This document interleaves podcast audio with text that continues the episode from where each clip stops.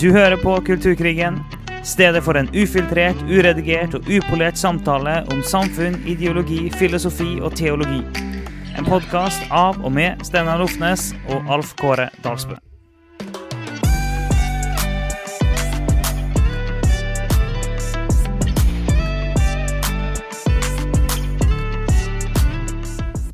Hvordan kan jeg ha en åpning etter Steinar sitt hjerte? Det er det jeg sitter og tenker på. Ja, det ble veldig, veldig slitsomt, eller? Ja, jeg syns det er Nei, slitsomt. men, eh, nei, men vi kan jo si det at eh, Hei, folkens. Vi er i juni. Eh, en måned som eh, Har, det har du merka det? Har Ja, du det er merka at vi har kommet til juni? for Kulturkrigen. Det er jo første juni, faktisk, mens vi har denne podkasten. så, så det er jo ikke vanskelig å finne ting å snakke om, da, kan du si, i denne måneden her. Nei, det, det er det ikke. Um, jeg tenker på når vi spilte eller Forrige episode, den kom jo ut 1. juni. Når vi spilte inn den, så snakka vi om at uh, skal, vi, skal vi ta og snakke litt om uh, pride-måneden? Ingen av oss har så, har så veldig lyst til å snakke om det akkurat nå. Vi er, det er mange andre ting vi egentlig er vi er mer gira på å snakke om nå. Men vi, skjønte jo at eh, vi må jo snakke litt om pride-måneden. Men vi trenger sikkert ikke å snakke, snakke om den første dagen. 1. juni, liksom. Det, det trenger vi nok ikke. Det, vi, vi kan vente litt lenger uti. Eh, der eh, det, Hva skal jeg si? Eh, jeg undervurderte pride-trykket kolossalt. Ja, det har skjedd ganske mye, både nasjonalt og internasjonalt. Um, så vi tenkte vi skulle prate gjennom noen av de tingene. Ja, vi må nesten det i dag. Og eh, jeg kan si litt noe av hensikten vår, i tillegg til å liksom kommentere litt, er jo, er jo å hjelpe kristne som ønsker å tro på evangeliet og tro på Bibelen, å navigere godt eh, gjennom denne måneden her, da, Mm, og i det fokuset som er. mm. Eh, og det tror jeg, eh, jeg tror vi kan trenge litt hjelp til. Ja, det tror jeg òg. Og vi Det er En, en ser jo eh, pride-flagget i alle kanaler. En ser jo saker i media, og en kan, gå, kan knapt gå på en eneste butikk uten at en ser eh, fargene, og det er eh, Det har kommet regnbue nonstop, og det er Alle bedrifter skal ha det i logoen sin. Det, liksom- det er virkelig overalt, altså. Det, det, det flagget og de fargene og det trøkket. Ja da, Vipps har det. Jeg, var jeg, det jeg, jeg var inne på BT i stad, da var det farger over hele BT-headen der. Det var liksom, det, det, er over, det, er bare overalt. Du kan knapt snu deg rundt, altså, uten at du ser det et eller annet sted. Og her i Bergen så er det blitt veldig eh, populært med regnbuegangfelt, og det har jo vi snakket om i en episode. Mm. Uh, og der har det jo skjedd eh, litt saker og ting, da. Det har vært en utvikling, det her. Og vi tok jo opp i den saken. eh, Hvis du ikke hørte det, så kan du gå tilbake til eh, den saken, episoden vi- som vi kalte 'Totalitære regnbuefarger'. kalte vi det. Ja. Um, der snakka vi jo om at kommunen driver og maler noen sånne fotgjengeroverganger med regnbuefargene. Uh, og så de var jo, uh, og så sa, de også det at de har lyst til å eh, male fylkesveiene òg. Fylkesveiene i Bergen. Men det er det jo ikke kommunen som eier, så da må jo fylkeskommunen eh, si ja til det. Og da var han veldig, sånn, eh, veldig tydelig på at de forventer at fylkeskommunen eh, sier ja til det her. Det var, det, var ikke, det var ikke rom for eh, noe annet, altså. Nei. Og så da har vi vært veldig spent på at eh, ja, kommer det til å skje noe på det, da. Helt ærlig trodde ikke det kom til å skje noe så raskt. Men plutselig så kommer eh, dette med regnbuegangfelt opp igjen da, i media. Og eh, da har jo kommunen gått videre til fylket og vil eh, ha regnbuegangfelt på fylkesveier òg. I tillegg til i alle bydelene på kommuneveier. Og så eh, var det visse sjanser for at fylket kom til å si nei til det pga. veitrafikksikkerhet og litt sånn som det der. Ehm, og det var nettopp det som skjedde i første runde. Uh, Jeg hadde ikke trodd det. Jeg hadde ikke trodd det. nei, det var litt sånn Men det er jo Altså, hvis du tenker bare sånn kjedelig norsk byråkrati og regelrytting, for det, det har vi jo mye av her i Norge. Vi er, si, vi er et godt fungerende samfunn, og i et Mm. godt fungerende samfunn der eh, følger vi reglene ned til minste detalj. Mm. Og eh, i forhold fra den vinkelen så hadde jeg kanskje forventet at eh, det muligens ville bli nei til det, fordi at, fordi at det er jo Det er jo ikke bare bare å forandre på ting i veien. Striper og linjer og farger og skilt og lyskryss og sånne ting er ganske sånn. Det har jo aldri vært forandret på noen av de tingene. Nei, aldri. Aldri. så det er jo sånn Jeg klarer liksom ikke å se for meg egentlig noe som helst annet der noen skulle få lov til å male symboler på veien, og det skulle vært greit. Eller liksom Ja. Så, så, det, så på, inni der et eller annet sted så kunne det jo være det at fylket var litt sånn mer eh, byråkratisk på det. da. Og så sa de nei, da. Og så eh, var jo litt sånn Ja, så fint, da. Jeg husker jeg skrev liksom på melding når vi snakket om dette. Ja, fylket er siste skanse, liksom. Men det varte jo eh, Hvor lenge varte det? Det varte to dager inn i uh, prime-måneden, det varte til 2. juni. Ja.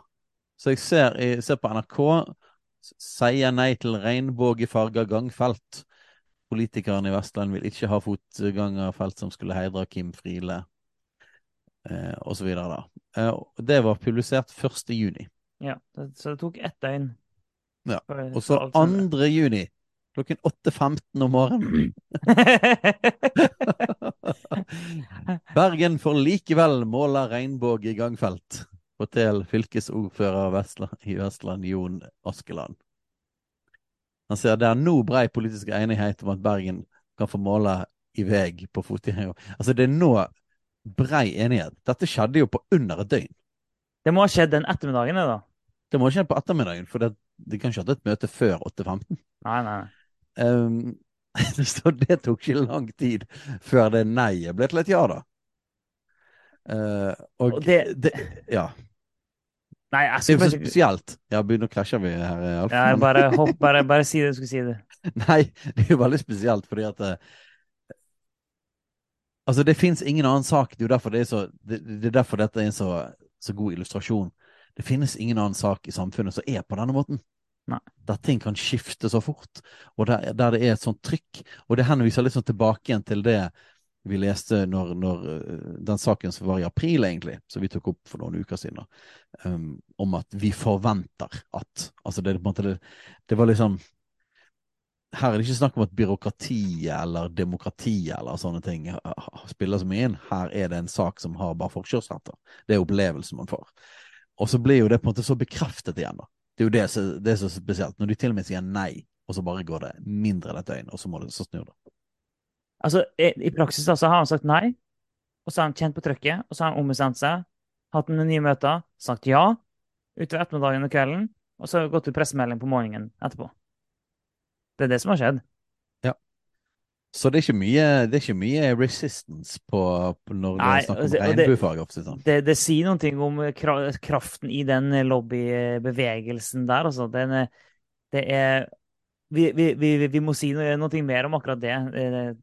Hvor mektige de er, og det med at de både skal være mektige og uh, være offer. Uh, hele.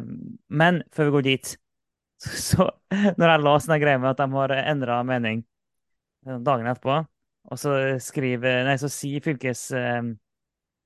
Eh, fylkesordføreren sier jo da at eh, formelt så skal overgangssaken om overgangsfeltene opp i møte i fylkesutvalget 6.6. Men Bergen kommune kan allerede nå bare male i vei, sier han. Altså, det er fire dager til det skal opp og bli vedtatt, men det er bare å male i vei. Og det kan høres ut som det det er ikke en ting å tenke på. Men hvis du, for første, hvis du har vært borti litt i politikken, så vet du det at ingenting skjer før vedtaket er fatta. Det er én ting. Men har du vært borti byråkratiet i Norge, så har du lært deg det. At du må ikke finne på å begynner å dure i vei med et eller annet før det er fatta vedtak i en sak. Da får du svi, altså.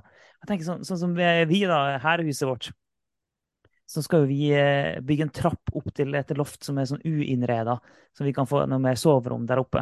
Og da skal vi få satt inn noe ta eh, takvindu. Eh, Og det har da vært en voldsom prosess bare for å få lov til å få en sånn fasadeendring, sånn at vi får lov til fra kommunen å sette inn de vinduene i eget hus. Og hvis vi setter, hadde, det, nå For noen dager siden så kom endelig godkjennelsen etter vi har styrt på i et halvt år med de greiene der. Men eh, så i et halvt år så har vi styrt I et halvt år så har vi styrt på for å få lov til å sette inn takvindu.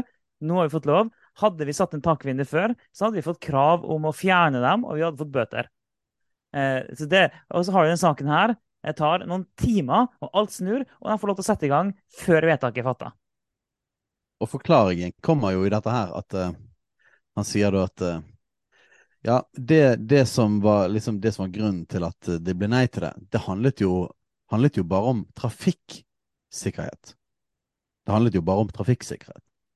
Eh, men så er det en, som han selv sier, en langt høyere himmel over det hele. Det er jo starten på regnbuedagen i dag. Mm. Så på en måte her er det noe som står over trafikksikkerhet. Eh, Så dette, dette gir jo seg sjøl, Ja, sier, sier da på en måte. Selvfølgelig. jo, men det, men det er sant. Og han sier jo det at nei, i første omgang så var det bare et- trafikksikkerheten som ble vurdert. Derfor ble det nei. Så det han sier da indirekte, er at eh, en bør ikke gjøre det med tanke på trafikksikkerheten. Derfor sa han nei. Det er en grunn til at han sa nei.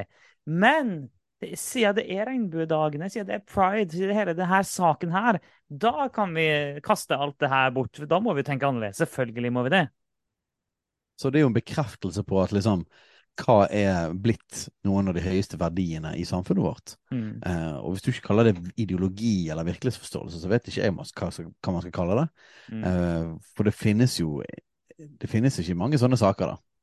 Eh, som, som på en måte plutselig bare trumfer alt annet. Mm. Um, og det er bare så utrolig interessant å sitte litt sånn på sidelinjen og bare observere det. Um, og det virker som at det er så selvfølgelig for alle sammen. Ja, selvfølgelig. Uh, men historisk sett er jo ikke dette selvfølgelig i det hele tatt. Det er veldig Nei. unikt. Så nå blir det regnbuegangfelt på fylkesveier òg, og det, tog, det var ikke lang, vanskelig pros prosess. Jeg tror at det må jo være en av de letteste tingene hvis du holder på med å få ting regnbuefarget. Mm. Så må jo det være noe av det letteste du kan holde på med. Eh, fordi at det, der er det ikke mye motstand, altså. Så, og det sier noe om Og nok en gang, dette er litt sånn her Er det rett eller galt? Nei, nei det er ikke dette nødvendigvis er galt i seg sjøl, men det bare er så tydelig at det betyr at dette er en av de viktigste verdiene vi har Mm. i samfunnet vårt. Ja. Eh, dette er det som trumfer alt annet. Og i tidligere tider så har ofte religion hatt den plassen. Um, og og eh, det har på en måte vært et unntak i symbolbruk. Sant? At for eksempel at korset hadde, ble brukt ekstremt mye, eh, både her og der, sant? I, i den kristne delen av verden sant? og Europa. Og over, over, overalt, og i symboler og i statssymboler, i alt mulig sånn som det der. Og i muslimske land så kan du se det samme med, med muslimske symboler. Eh, at det på en måte det trumfer de andre tingene. Det på en måte går over, da. Eh, og nå er, jeg kan ikke avsi si noe annet enn at regnbueflagget er blitt det symbolet i Vesten. Som Mm. nå som rager høyere enn alt annet. Som er blitt på en måte erstatningen for religion. Ja, det, men det, det er bra du sier det her med at eh, du sier det her for vi, eh, vi bryr oss ikke fryktelig mye om fargene på et fotgjengerfelt, for, for eksempel. Vi tror ikke at Bibelen har så fryktelig mye å si om akkurat det. Eh, Men, men det handler jo om hva slags samfunn er det vi lever i. Og at det her er bare et eh, symptom på hva Og det, det er et bilde på samfunnet vi lever i. Og som du sier, det er et bilde på hva det er som, er det, hva som har høyest verdi. Og det er jo en måte å, en måte å, en måte å se på hva er det som er guden. er jo det å finne ut, Men hva er det som er høyest på verdi, i verdihierarkiet? Det kan se på i, i enkeltmennesker liv, og en kan se på det i grupper, og en kan se på det i storsamfunnet. Så en kan se på det på ulike måter. Men måten jeg å finne ut hvem er Gud.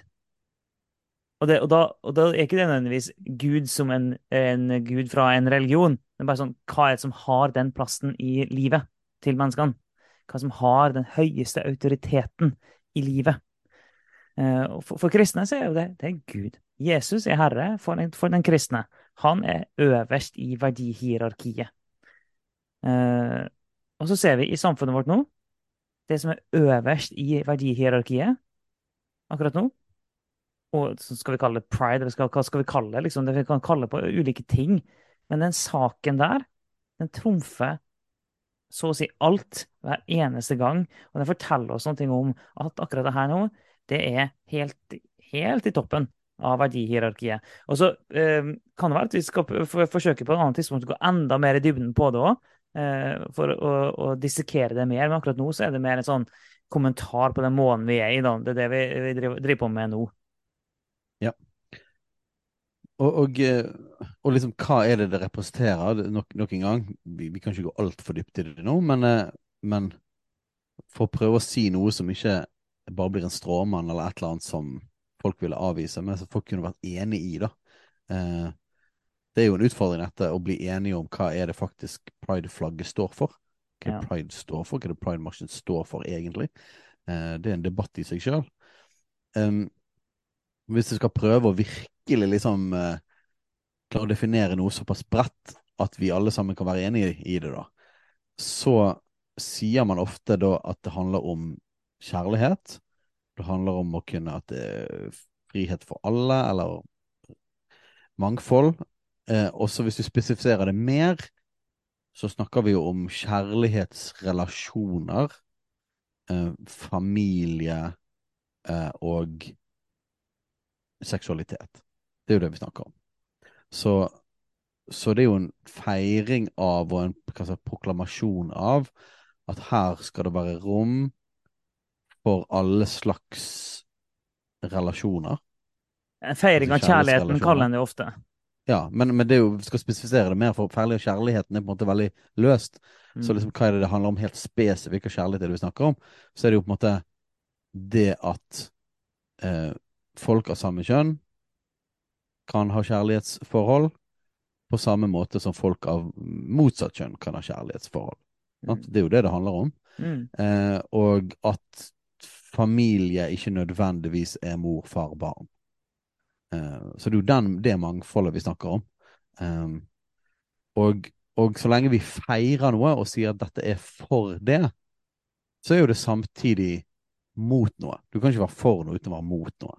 Så det du er imot da sant? For hvis vi, hvis vi, er enige i at det er det man, vi feirer kjærligheten og mangfoldet, det er det det betyr, og det tror jeg alle ville vært enig i. Jeg, jeg, tror folk ville vært enig i den definisjonen. At det ikke er en stråmann. At, vi, mm. at det er det mangfoldet vi feirer. At, at, det skal være rom for alle typer familier og, og mangfold av forskjellig seksualitet og kjærlighetsforhold.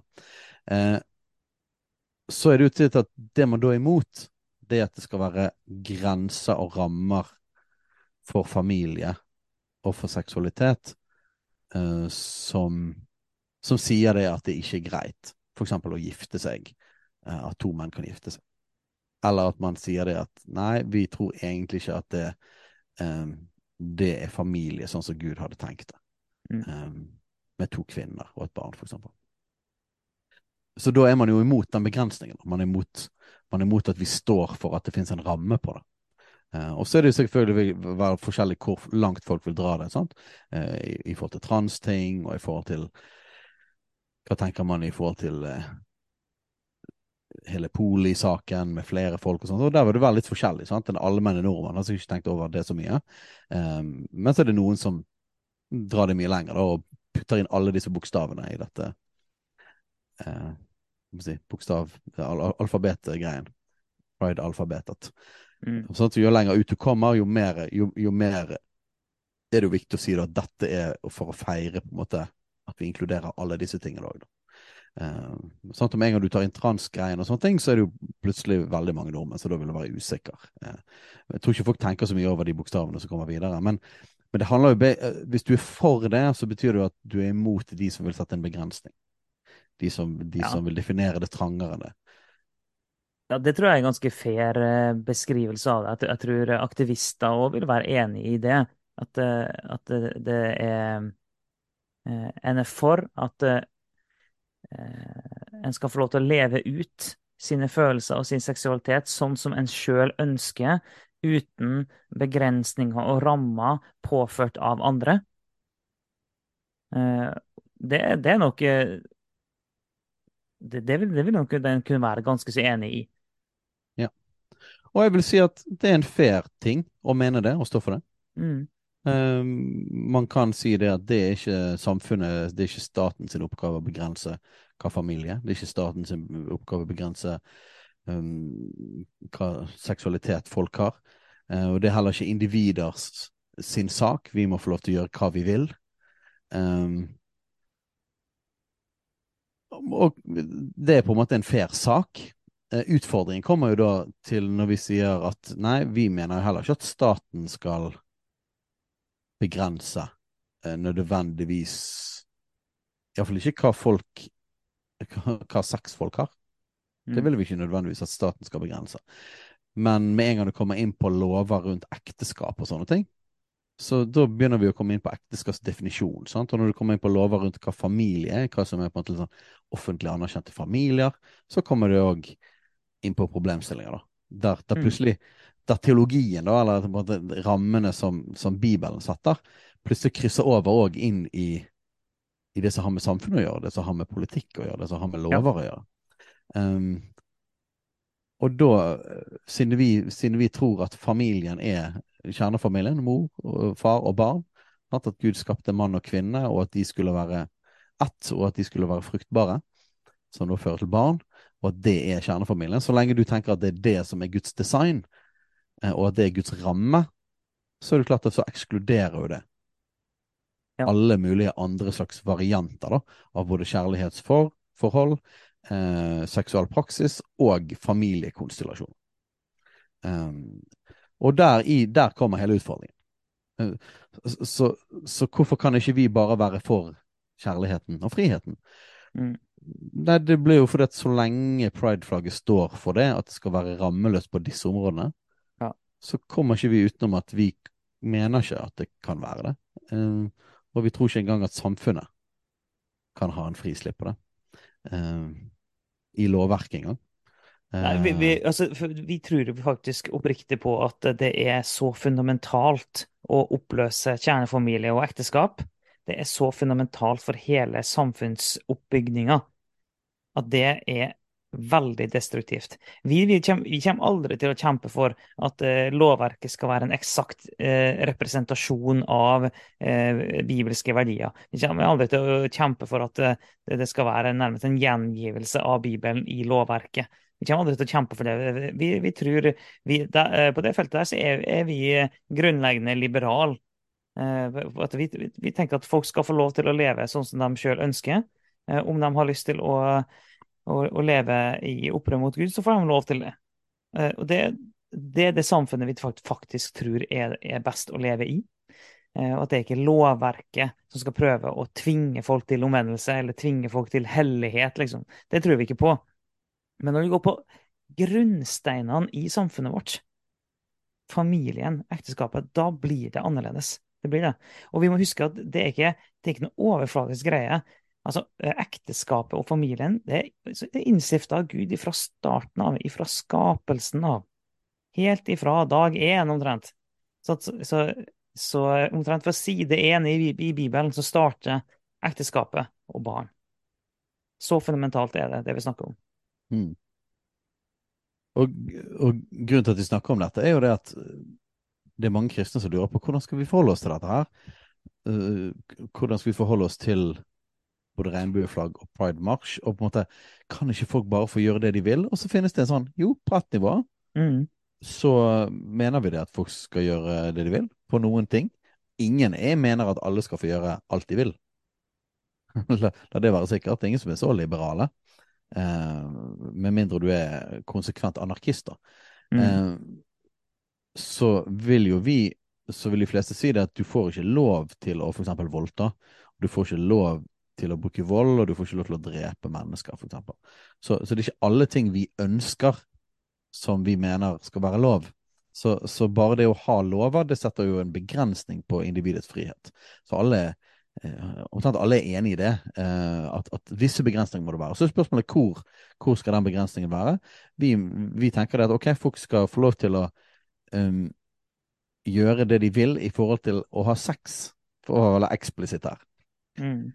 Men vi mener ikke nødvendigvis at samfunnet, samfunnets rammer skal være at familien skal oppløses. Mm. eller definisjonen av familien skal oppløses. Vi mener at det finnes veldig gode historiske og biologiske grunner, i tillegg til at teologiske grunner, da, at, vi, at Bibelen beskriver det. Men det at det ligger en helt naturlig greie med at en mann og en kvinne får et barn sammen. Um, og at de begge vil ha en tilknytning til det barnet. Det vil være deres barn. De vil ha arvestoff for begge foreldrene. Og at det er en helt naturlig biologisk ting at det blir en familie ut av det. Mm. Eh, og, og, og, det er ingen andre konstellasjoner som kan skape en familie på den måten, rent biologisk. Så det finnes ganske gode grunner, eh, og det finnes ganske gode historiske grunner, og du ser på samfunnet overalt, at det er en helt naturlig definisjon av familie.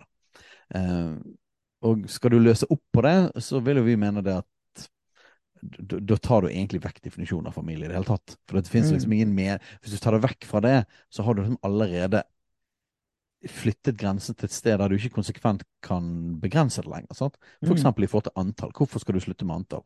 Eh, og, og hvis, hvis, tre kan være gift, hvorfor kan ikke da ti være gift? Og hvis ti kan være gift, hvorfor kan ikke da tusen være gift? Og hvis en million mennesker er gift, er det da en familie, eller er det egentlig bare ingenting? Mm. Eh, så det går på hele sånn definisjonen av hva familie er. Nå sier man liksom at alle familier er like. og for alle familier er, det, det er en del av hele regnbuegreien. Um, Regnbuefamilie, hva er det? Regnbuefamilie. Um, så, så, så, fra et kristent ståsted så, så må, tenker jeg at det er helt fair å si det at nei, vi, vi står ikke for dette dette innholdet. Altså, pleier vi å si dette er en ideologi, og det mener jeg er helt riktig å si. Men la oss si at noen sier nei, det er ikke ideologi, dette, dette handler om frihet. Ok, hvis vi ikke bruker ordet ideologi, da. Vi sier det, man står for noe, dette betyr noe. Hvis ikke hadde det ikke vært noe poeng å ha noe marsj. Noe poeng å ha et mm. flagg hvis det ikke betyr noe. Og, hvis, og, og, det det betyr, det har jo noe da Det står jo i kontrast til det motsatte av det. Mm. Og hva da hvis du står for det som er motsatt av det? Mm. Er det da lov? Eh, og skal du da måtte tvinges til å bruke dette symbolet som står for noe? og jeg føler liksom vi må, vi, må, vi må, få lov til å snakke om dette her. For det virker, virker som det skal ikke være lov til å Det er en sånn rar mekanisme. Så er det at man sier, nei, dette står bare for frihet og kjærlighet og mangfold. Eh, ergo dette er umulig å være imot. Uh, og jeg, føler ikke at det er riktig at folk skal slippe unna med det. Det, sånn, det står jo for noe. Det står jo for et innhold. Uh, og det er helt fair å stå for det. Men det må jo òg være fair å ikke stå for de tingene. Ja, og stå for noe annet som dermed per, per definisjon vil stå imot det. Og jeg hadde, jeg hadde en, samtale med en kristen person for to dager siden, der personen uh, uttrykte at det var vanskelig med nå i, i pride-måneden, fordi han ville jo bare Ville ikke være imot.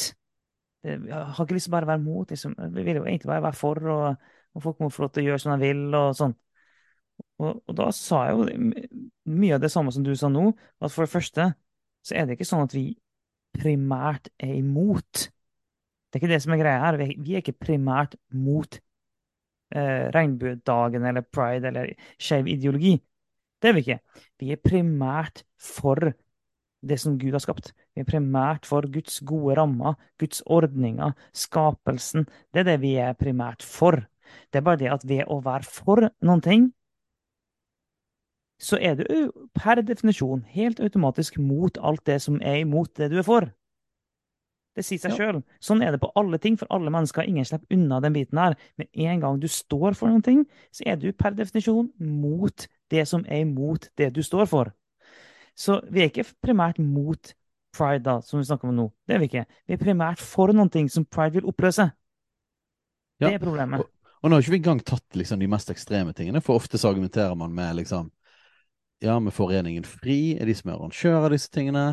Og i Foreningen FRIs verdidokumenter, som vi har lest gjennom noen ganger, så har du jo full, full si, skeiv ideologi. Du mm. har hele polisaken. Eh, du har hele trans-saken i dette. Og og så kan du si at så kan en del folk si ja, men vi står ikke nødvendigvis for alle de tingene der, selv om den organisasjonen står for det. Vi, vi står for det mer generelle. Ok, men til og med om du bare står for det mest generelle, så, så er det noe, det òg. Ja, ja. Og det er ikke det samme som en kristen forståelse, forståelse av ekteskapet. Nei. Det er ikke det samme som en kristen forståelse av familien. Eh, og dette er eksplisitt. Dette er ikke noe hemmelig eller noe de bare mener liksom i hemmelige kjellere, liksom, eller konspirasjon. Dette er jo helt tydelig og klart. Uh, og det er frustrerende og provoserende at man på en måte later som at dette ikke er, er et syn, eller det ikke, at det ikke er noen ting. Og at, og at, man på en måte ikke engang vil innrømme at dette her òg bryter med en historisk måte å forstå disse tingene på. Uh, det skal selvfølgelig gjøres så utrolig uh, kraftig, da.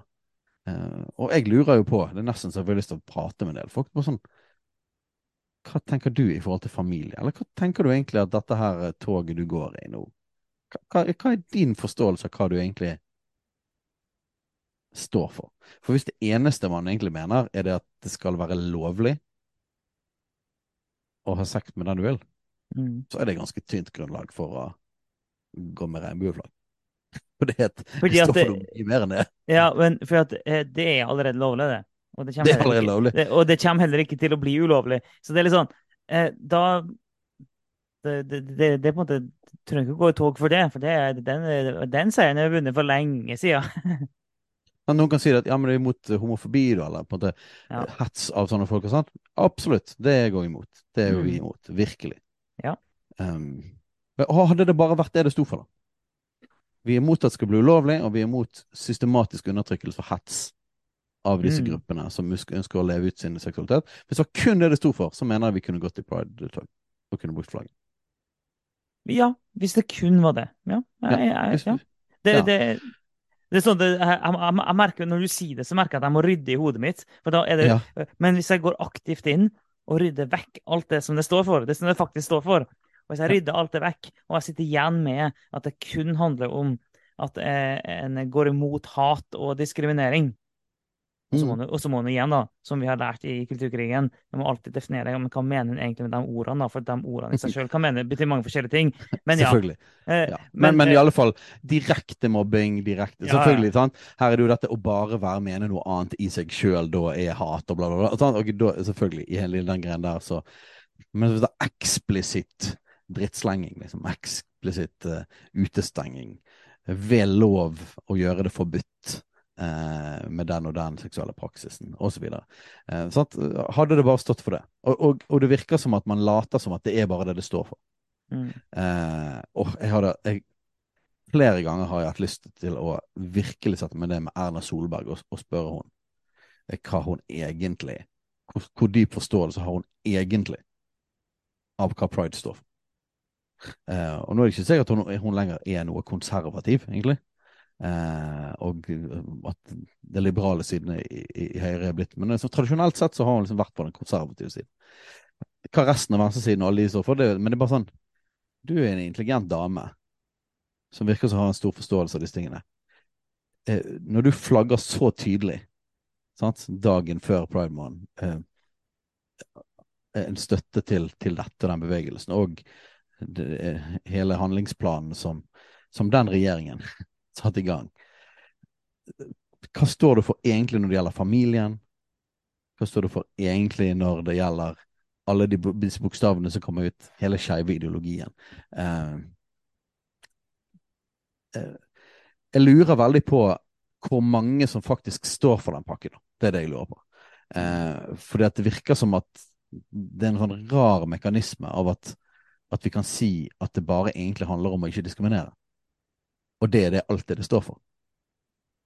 Og så virker det som at folk da kjøper hele pakken uten å vite det. Mm. Er, er, det, er, det, er, det, det at folk bare er ubevisste, eller er det sånn at de faktisk mener disse tingene? Eh, ja. Og den debatten kommer liksom aldri opp engang. Du får ikke komme så langt at du kan helt snakke med folk. Nei, og, og En av grunnene til det er jo fordi at det er jo budskapet er jo litt sånn drukna i at vi skal feire kjærligheten, og at den skal få lov til å elske den den vil. Og så høres jo det veldig sånn tilforlatende ut. Det, ja, det høres fint ut.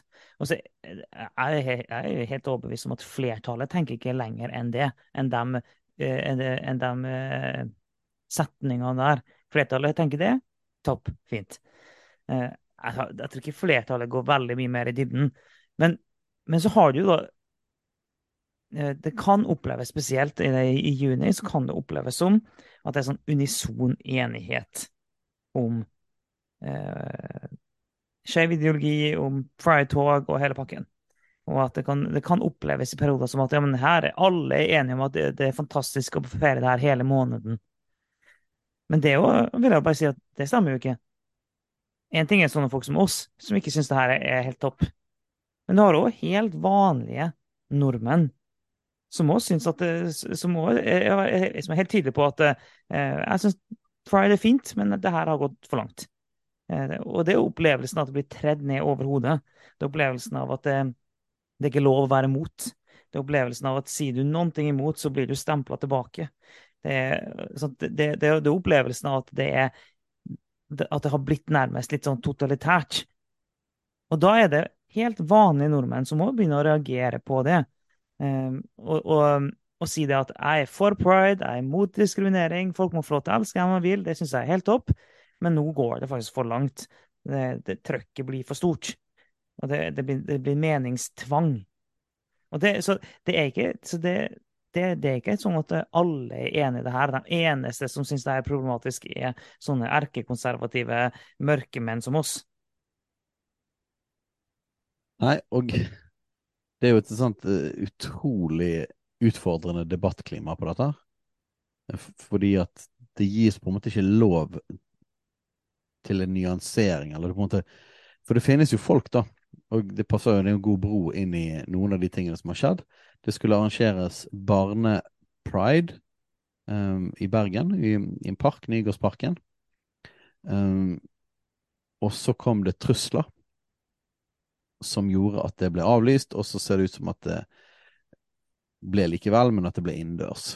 Uh, og så har det òg vært episoder fra flere steder i landet med folk som har brent prideflagg.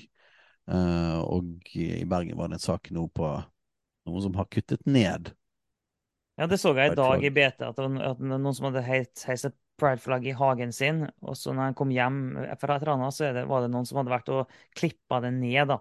Så han skrevet på postkassa deres 'ned med homseflagget, opp med det norske', eller noe sånt. sånt. Sant. Og i tillegg til det så har du den forferdelige skytingen som jeg vil kalle terror. Var det to mennesker som døde um, i fjor, pluss flere som ble skadet mm. uh, i Oslo. Um, så en terroraksjon, da. Uh, mot skeive. For det var jo helt klart rettet inn mot måte, to utesteder der det var ja. mange, mange folk ja, utenfor der. Og det var rett før dagen eller natten før Pride-marsjen. Mm. Eh, og hele, alle disse situasjonene gjør det at uh, det er blitt uh, utrolig sånn tension. Fordi at hvordan skal vi forklare hele? Jeg tror, jeg tror, veldig mange har følt på dette. Eh, og spesielt hvis du, hvis du, eh, er den typen som ikke ønsker å gå i pride-tog. Eh, og ikke så veldig glad for barnepride. Og jeg var en av de som ikke likte det at det skulle være barnepride. Eh, og personlig ba til Gud om at det skulle bli avlyst. Og så plutselig da så blir det avlyst, da. Jeg vet ikke helt om det ble det likevel, men eh, men det var pga. trusler. Og så kommer du i en litt sånn tricky situasjon. Bare sånn, Første reaksjon er at oi, kjempeglad for at det ble avlyst. Hvorfor det, da? Fordi at jeg tror at dette er en skadelig ideologi. Jeg tror det at hele denne virkelighetsforståelsen faktisk er kjempedestruktiv. Og jeg er ikke veldig glad for, ingen er glad for at noe de mener er destruktivt, blir gitt til familier og små barn. Sant? Og så, så, lenge jeg mener at dette er destruktivt, så er det klart at, at det oppleves enda mer utfordrende når det blir til barn.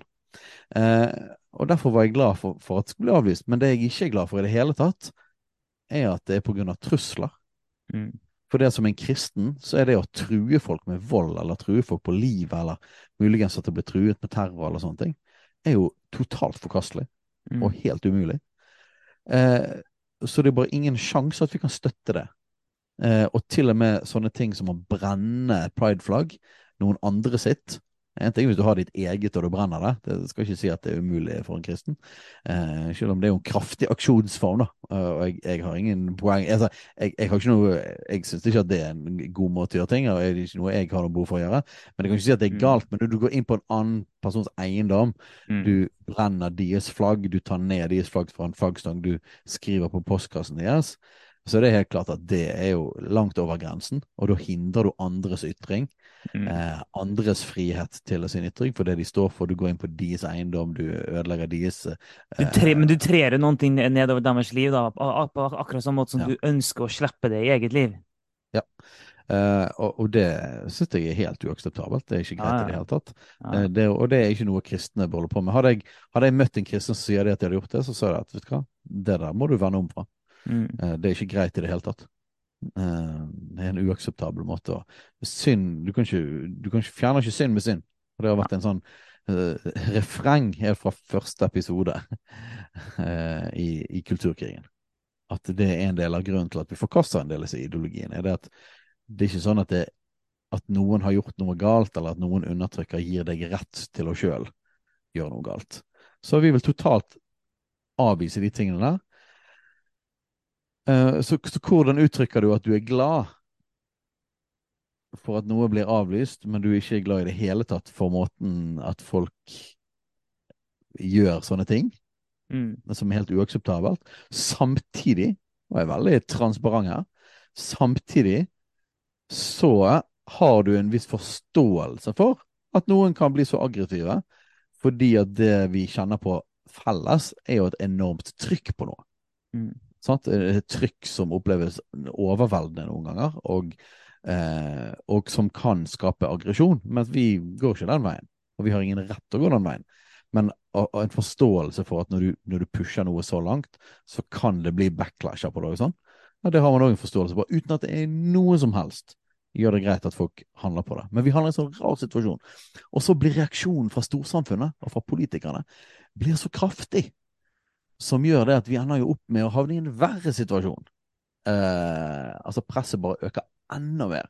Mm. Altså, det er sånn hvis du sier noe som helst, så blir du puttet i kategori med de folkene der som Mm. gjør sånne ting som vi ikke kan stå for i det hele tatt. Og samtidig vi imot det. Så du blir stilt på et valg, da.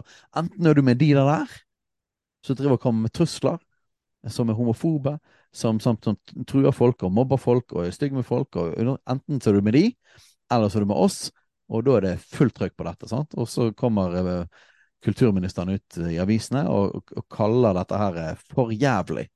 Mm. Eh, ofte jeg banner på, eh, på podkasten her, men for meg så eh, sier det noe om trykket, da.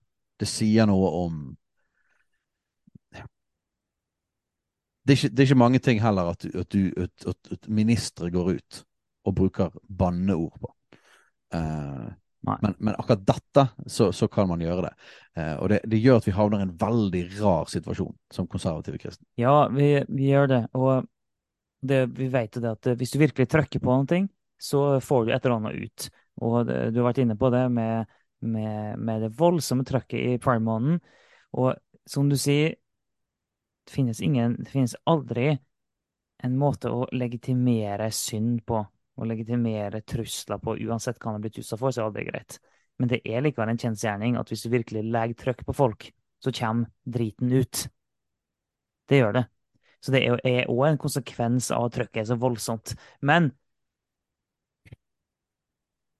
det trykket tvinger en jo som regel til å enten eh, være blant de aggressive som kommer med trusler, eller være blant dem som eh, går 100% inn, som du nevnte, eller så kan det være noen som syns det her er så ubehagelig at man bare holder helt kjeft og er helt stille. Det er sånn. Det er liksom de tre alternativene eh, eh, folk veldig ofte velger, da. En av de tre. Enten 100% inn, 100% mot på, feil, på helt feil måte, eller bare være så stille som mulig. Og vi snakker jo om det her, for vi prøver å tenke kristent om det her. Vi prøver å navigere. Hvordan skal vi som kristne navigere i det samfunnet vi lever i? Hva er den bibelske måten å tenke på? Og vi vil jo si at uh, vi kan ikke gå i noen av de boksene. Vi kan ikke gå helt inn. Vi kan ikke drive på med trusler. Vi kan heller ikke være helt stille. Ingen av de alternativene der er et alternativ for en kristen. Nei, og, er, og den med å være stille, den merker man at den er, den er utrolig fristende i de situasjonene.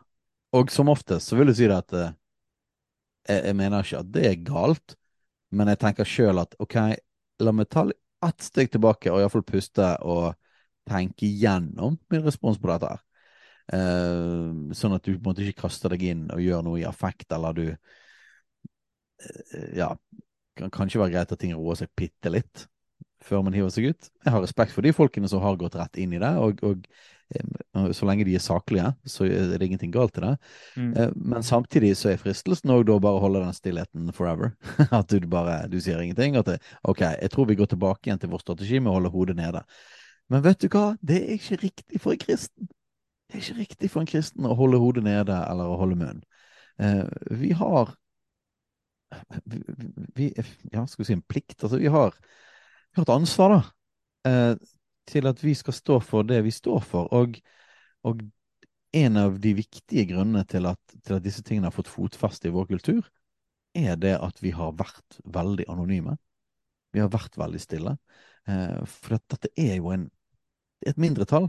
Det er en lobbyorganisasjon. Det har vært et mindretall av aktivister som har fått ekstremt mye innflytelse, blant annet fordi at kristne er, har vært redde. da. Redde for å havne i en skyttsild, redde for å stå for det vi står for. Men vi tror jo faktisk at det vi står for, er bra, da. Vi ønsker ikke ondt for noen mennesker. Vi tror at faktisk det vi tror for, er bra for alle mennesker. Vi tror at det, og, og på andre siden så tror vi at det faktisk er skadelig for samfunnet. Det er skadelig for barn, Mm. eh, disse tingene som kommer inn. Eh, er det, så er det greit å stå og så, se på.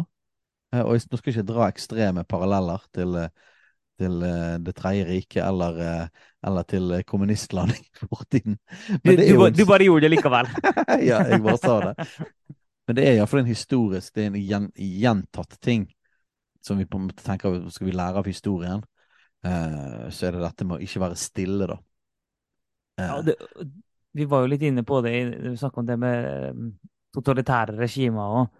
For jeg, jeg, jeg var så fascinert av, av den boka som hadde gått gjennom kristen motstandskamp i, to, i totalitære samfunn. Og hva var på en måte det minste nivået av motstand en kristen kunne utøve? Altså absolutt minstenivå.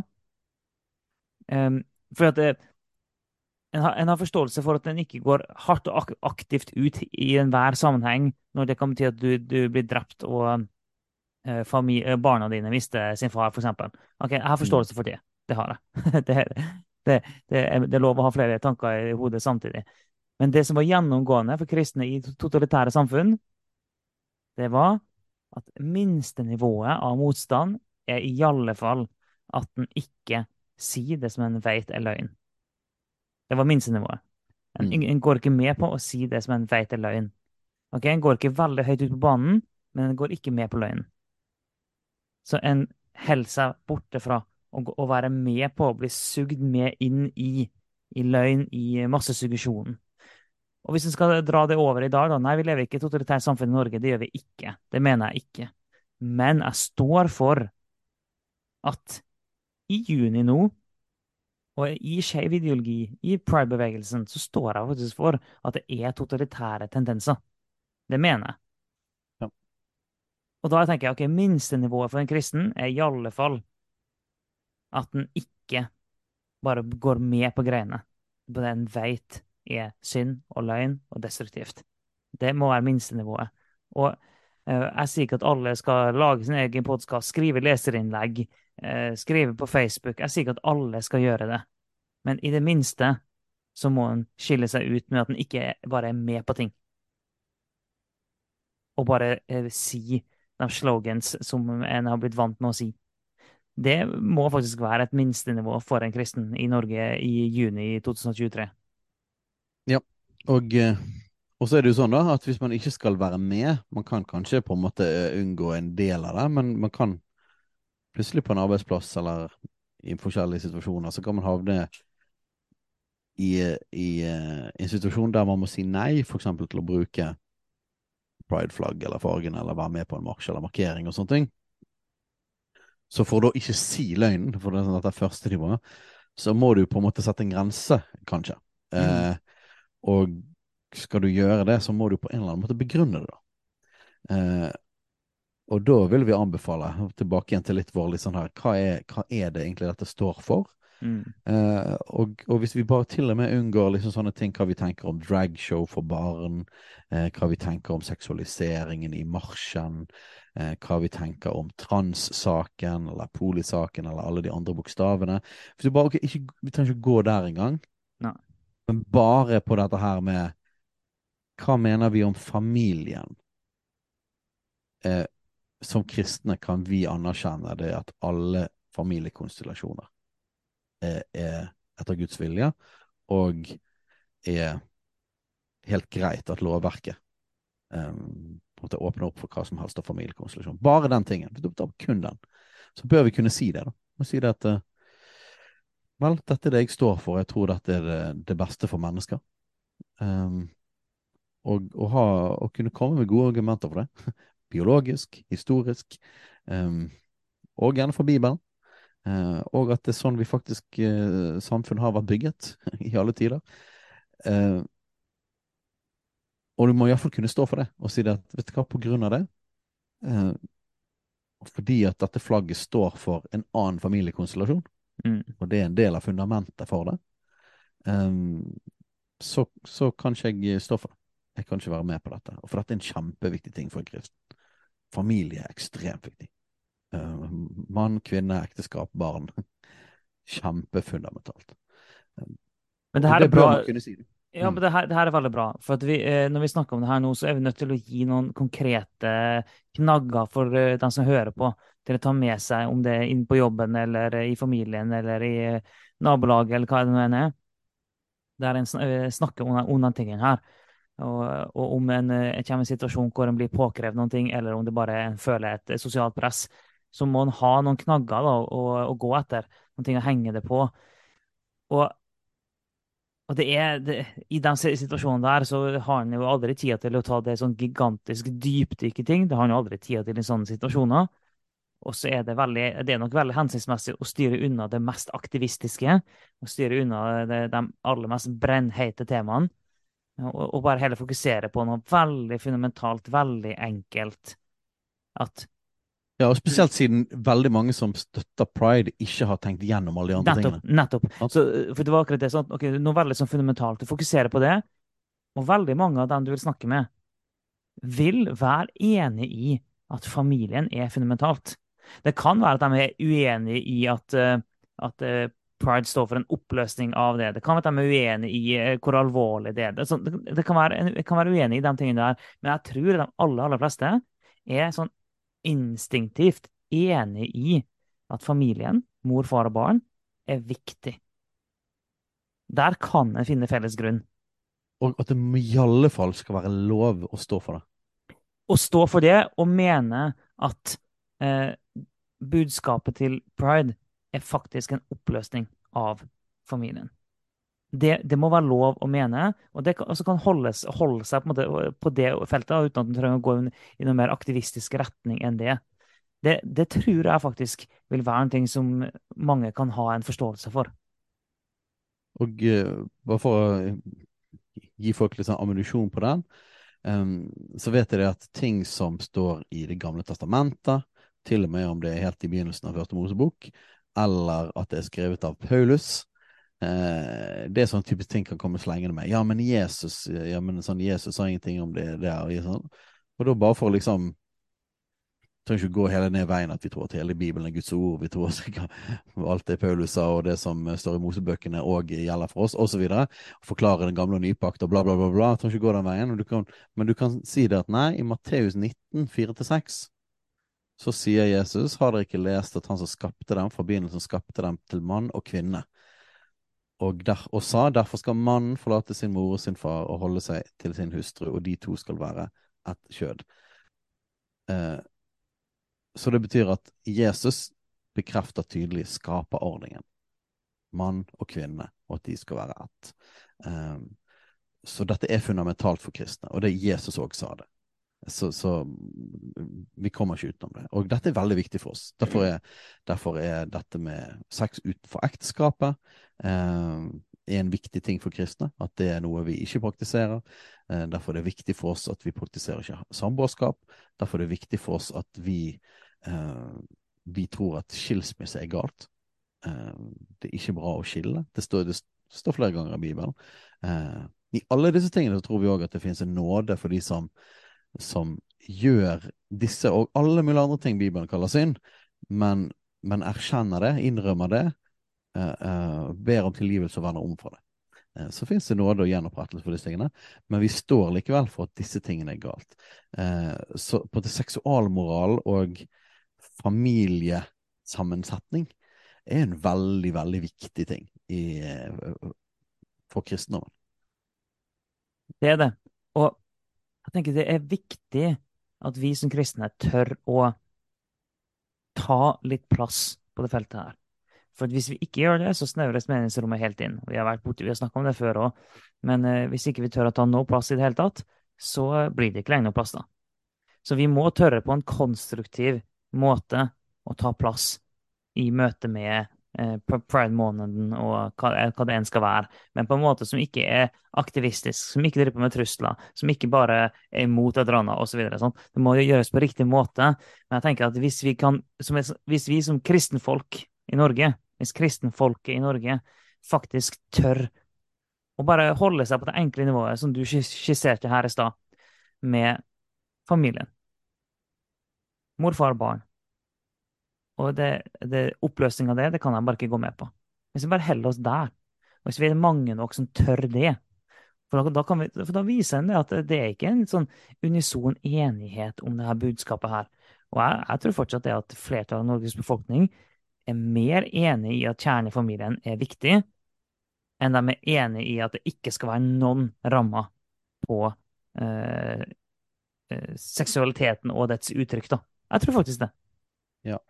Og, og, folk kan mislike på en måte denne rammen, men som sagt, vi har masse historiske eh, bevis på at dette her er sånn man har gjort det. Det finnes en helt naturlig biologisk forklaring på dette, i tillegg til den teologiske tingen. Så, så, og folk kan, folk kan, mislike det, men vi har et godt grunnlag for å mene det vi mener. Eh, så er jo egentlig ikke det bevisbyrden. Det skulle, skulle ikke være på oss, da. Eh, spørsmålet andre skulle få, og de som flagger regnbueflagget, er hvor mener du egentlig at denne grensen skal gå, da? Mm. Eh, og hva mener du om, om For eksempel om kjønn. Skal alle kunne vite det? Skal, hvor mange kan gifte seg? Fins det skal vi da fjerne ekteskapet som en institusjon i det hele tatt, eller hva er egentlig familie? Hva, altså, dette må egentlig du forklare. De andre ja. som må forklare hva de mener familie er, da. Uh, og hvorfor setter de grensene? Og hvis de setter en grense et eller annet sted, som de gjør hvis du pusher dem på det, ja, ja, ja. så blir det sånn Men hvorfor ikke det undertrykkende for de som ønsker seg utenfor den grensen igjen, da? Mm, mm. Uh, og, og, jeg syns at jeg, ja, jeg er lei det at det er alltid vi som skal måte forklare noe som på en måte har vært måten man har forstått dette på. Men så, det, det, er alltid den som vil oppløse noen ting, som bør forklare hvorfor det skal oppløses. Eh, og riktig, ja da, eh, folk, som eh, altså folk må alltid kunne forklare og forsvare sitt ståsted, for all del. Men det var vel Chesterton det som sa det her, som har et sånt kjent sitat om at, at hvis en ser et gjerde, så må en, må en aldri røske opp og fjerne det gjerdet før en har funnet ut hvorfor det står der. Det var på det bildet som har blitt brukt. da. Så, og det handler om at hvis du støter på en grense, en ramme, en begrensning, så må du ikke finne på å fjerne den før du er sikker på at du vet hvorfor den er der. Og, der, og, det, og vi som er for begrensninger, vi må selvfølgelig kunne eh, stå for det og argumentere for det. Men den som vil fjerne det, må i alle fall kunne argumentere for hvorfor den skal vekk. Ja. Så ja.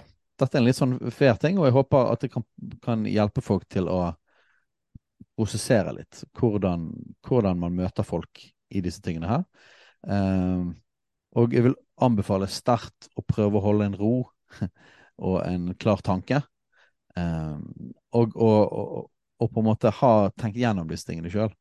Ehm, når man møter folk. Ikke være aggressiv. Hvis folk er aggressive mot deg, prøv å være Prøve å, å, snakke om ytringsfrihet. Snakke om, snakke om demokratiet snakke om at det, at det må måtte være meningsmangfold. Jeg vil ikke presse noe ned over deg. Um, jeg ønsker bare at ikke dette blir press ned over meg. Mm. Uh, og så bare Ja, men uh, før har kristne sånn, sånn uh, Vel, jeg vet ikke om jeg kan stå til ansvar for hele historien. Fordi at jeg kaller meg kristen. Jeg står til ansvar for mitt liv, og jeg står til ansvar for det Bibelen sier, og det jeg har gjort. Og jeg har ikke presset disse tingene ned på noen. Um, så, så det funker heller ikke. Det er på en måte ikke greit at folk retter aggresjon mot oss for, på grunn av noe som ble gjort i middelalderen, eller et eller annet. Eh, like lite som at, at uh, hvis du er ateist, så må du stå til ansvar for hva alle, alle ateister har gjort. Eh, det er en veldig feig måte å argumentere på. Eh, så, så oppfordrer folk hold roen. eh, og svar vennlig og rolig til folk. Ja, og um, eh, absolutt, det mener vi. Men jeg vil også bare oppfordre folk til å tørre å utfordre litt tilbake. For jeg er helt sikker på at de vil da erfare at det er ikke sånn at flertallet er eh, liksom hellig overbevist om og har kjøpt hele pakken om hva, uh, hva det her er for noe, og står for alt det som uh, pride egentlig står for. Jeg, det, det, det tror ikke det. Så hvis en på en rolig, eh, fornuftig måte legger det her fram, forklarer det her, det er sånn jeg ser verden. Og det, og det, det budskapet her, det vil oppløse det. Det, det er imot det. Derfor jeg, tenker jeg at eh, det her er faktisk ikke bra. Så tror jeg det er mange som kan se det. Yes.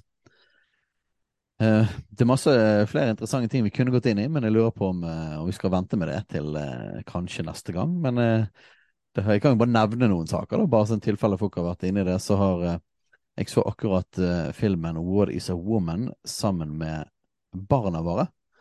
Um, og den har det vært ganske mye sånn debatt om rundt nå på ettårsdagen. Uh, den skulle vises på Twitter, og så plutselig så ble ikke det lov likevel. Og den ble advart mot og hindret, og så måtte Elon Musk personlig komme inn og åpne opp for den og sånne ting. Så, så hele den, den filmen er jo interessant, og også så har du lagt merke til at hele trans-saken er per nå, i alle fall i begynnelsen av måneden, blir ikke like kraftig frontet i Norge som jeg ser i den engelskspråklige verden. Um, og jeg ser jo at vi heller ikke bruker det progressive pride-flagget sånn offisielt sett. Altså det er noen folk som gjør det her og der. Um, men sånn i hovedsak så er det det, det vanlige pride-flagget som blir brukt i Norge. Så det er litt sånn interessante ting. Hvor er vi der i forhold til i, i Norge? Um, og hvorfor bruker man ikke det like mye? Um, så hele What is a Woman-saken og sånne ting, det, det hadde vært interessant å snakke om. Men jeg, men jeg kan iallfall si den tingen, at jeg anbefaler, og hvis man har barn, å bruke anledningen denne måneden til å snakke skikkelig med barna om dette. Gå igjennom på en måte skaperordningene. Eh, mann og kvinne og barna. Familien, kjernefamilien. Og bygg det skikkelig inn. Eh, hvis du er en kristen som tror på Bibelen og tror på familien. Og jeg håper, jeg håper at vi skal slippe å snakke om de her temaene her hver episode gjennom juni.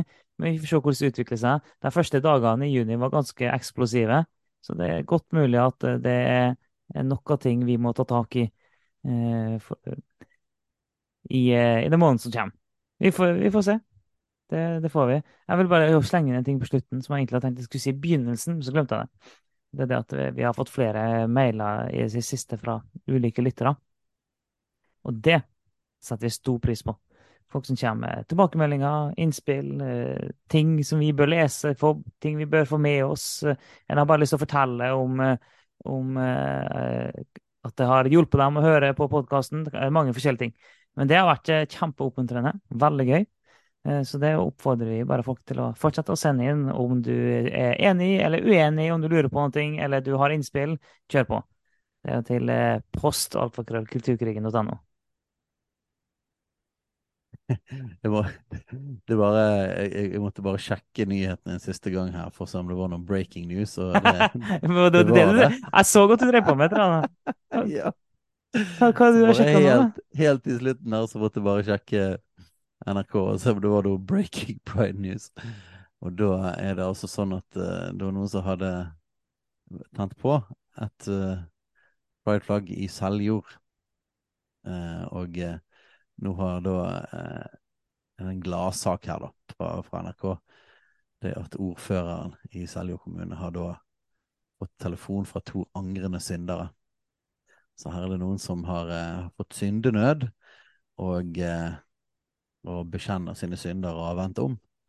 Eh, og eh, ringt og sier at dette ble gjort i fylla. Og de angrer på dette. Jeg synes bare det er litt sånn morsomt i begrepene som blir brukt igjen, da. At de blir kalt angrende syndere. Som på meg på en måte viser veldig på at, i vår, vår, kultur så er dette måte den nye religionen. da.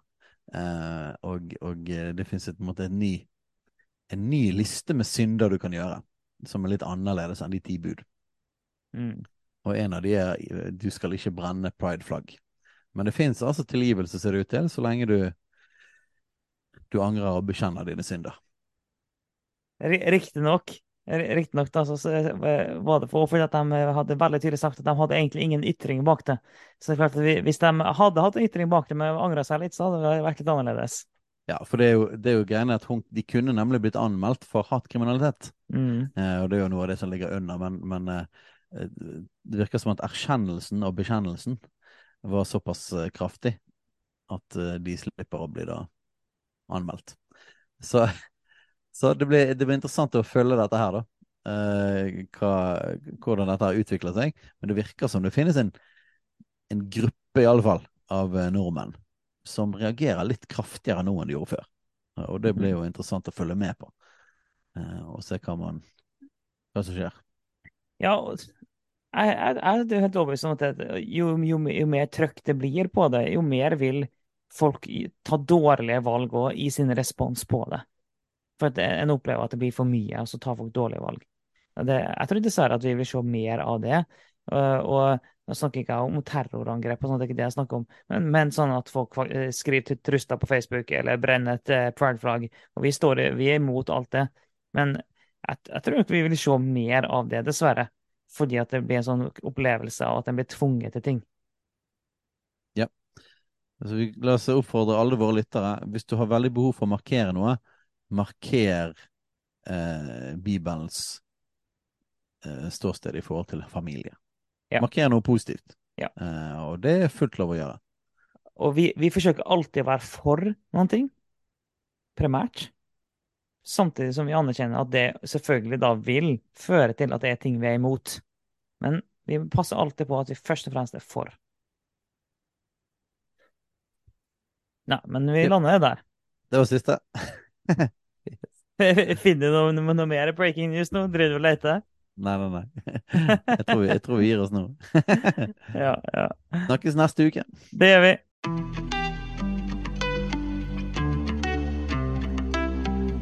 Takk for at du lytter på Kulturkrigen. Om du har tilbakemeldinger, spørsmål, hva som helst egentlig, send inn til post alfakrøll kulturkrigen.no eller på sosiale medier.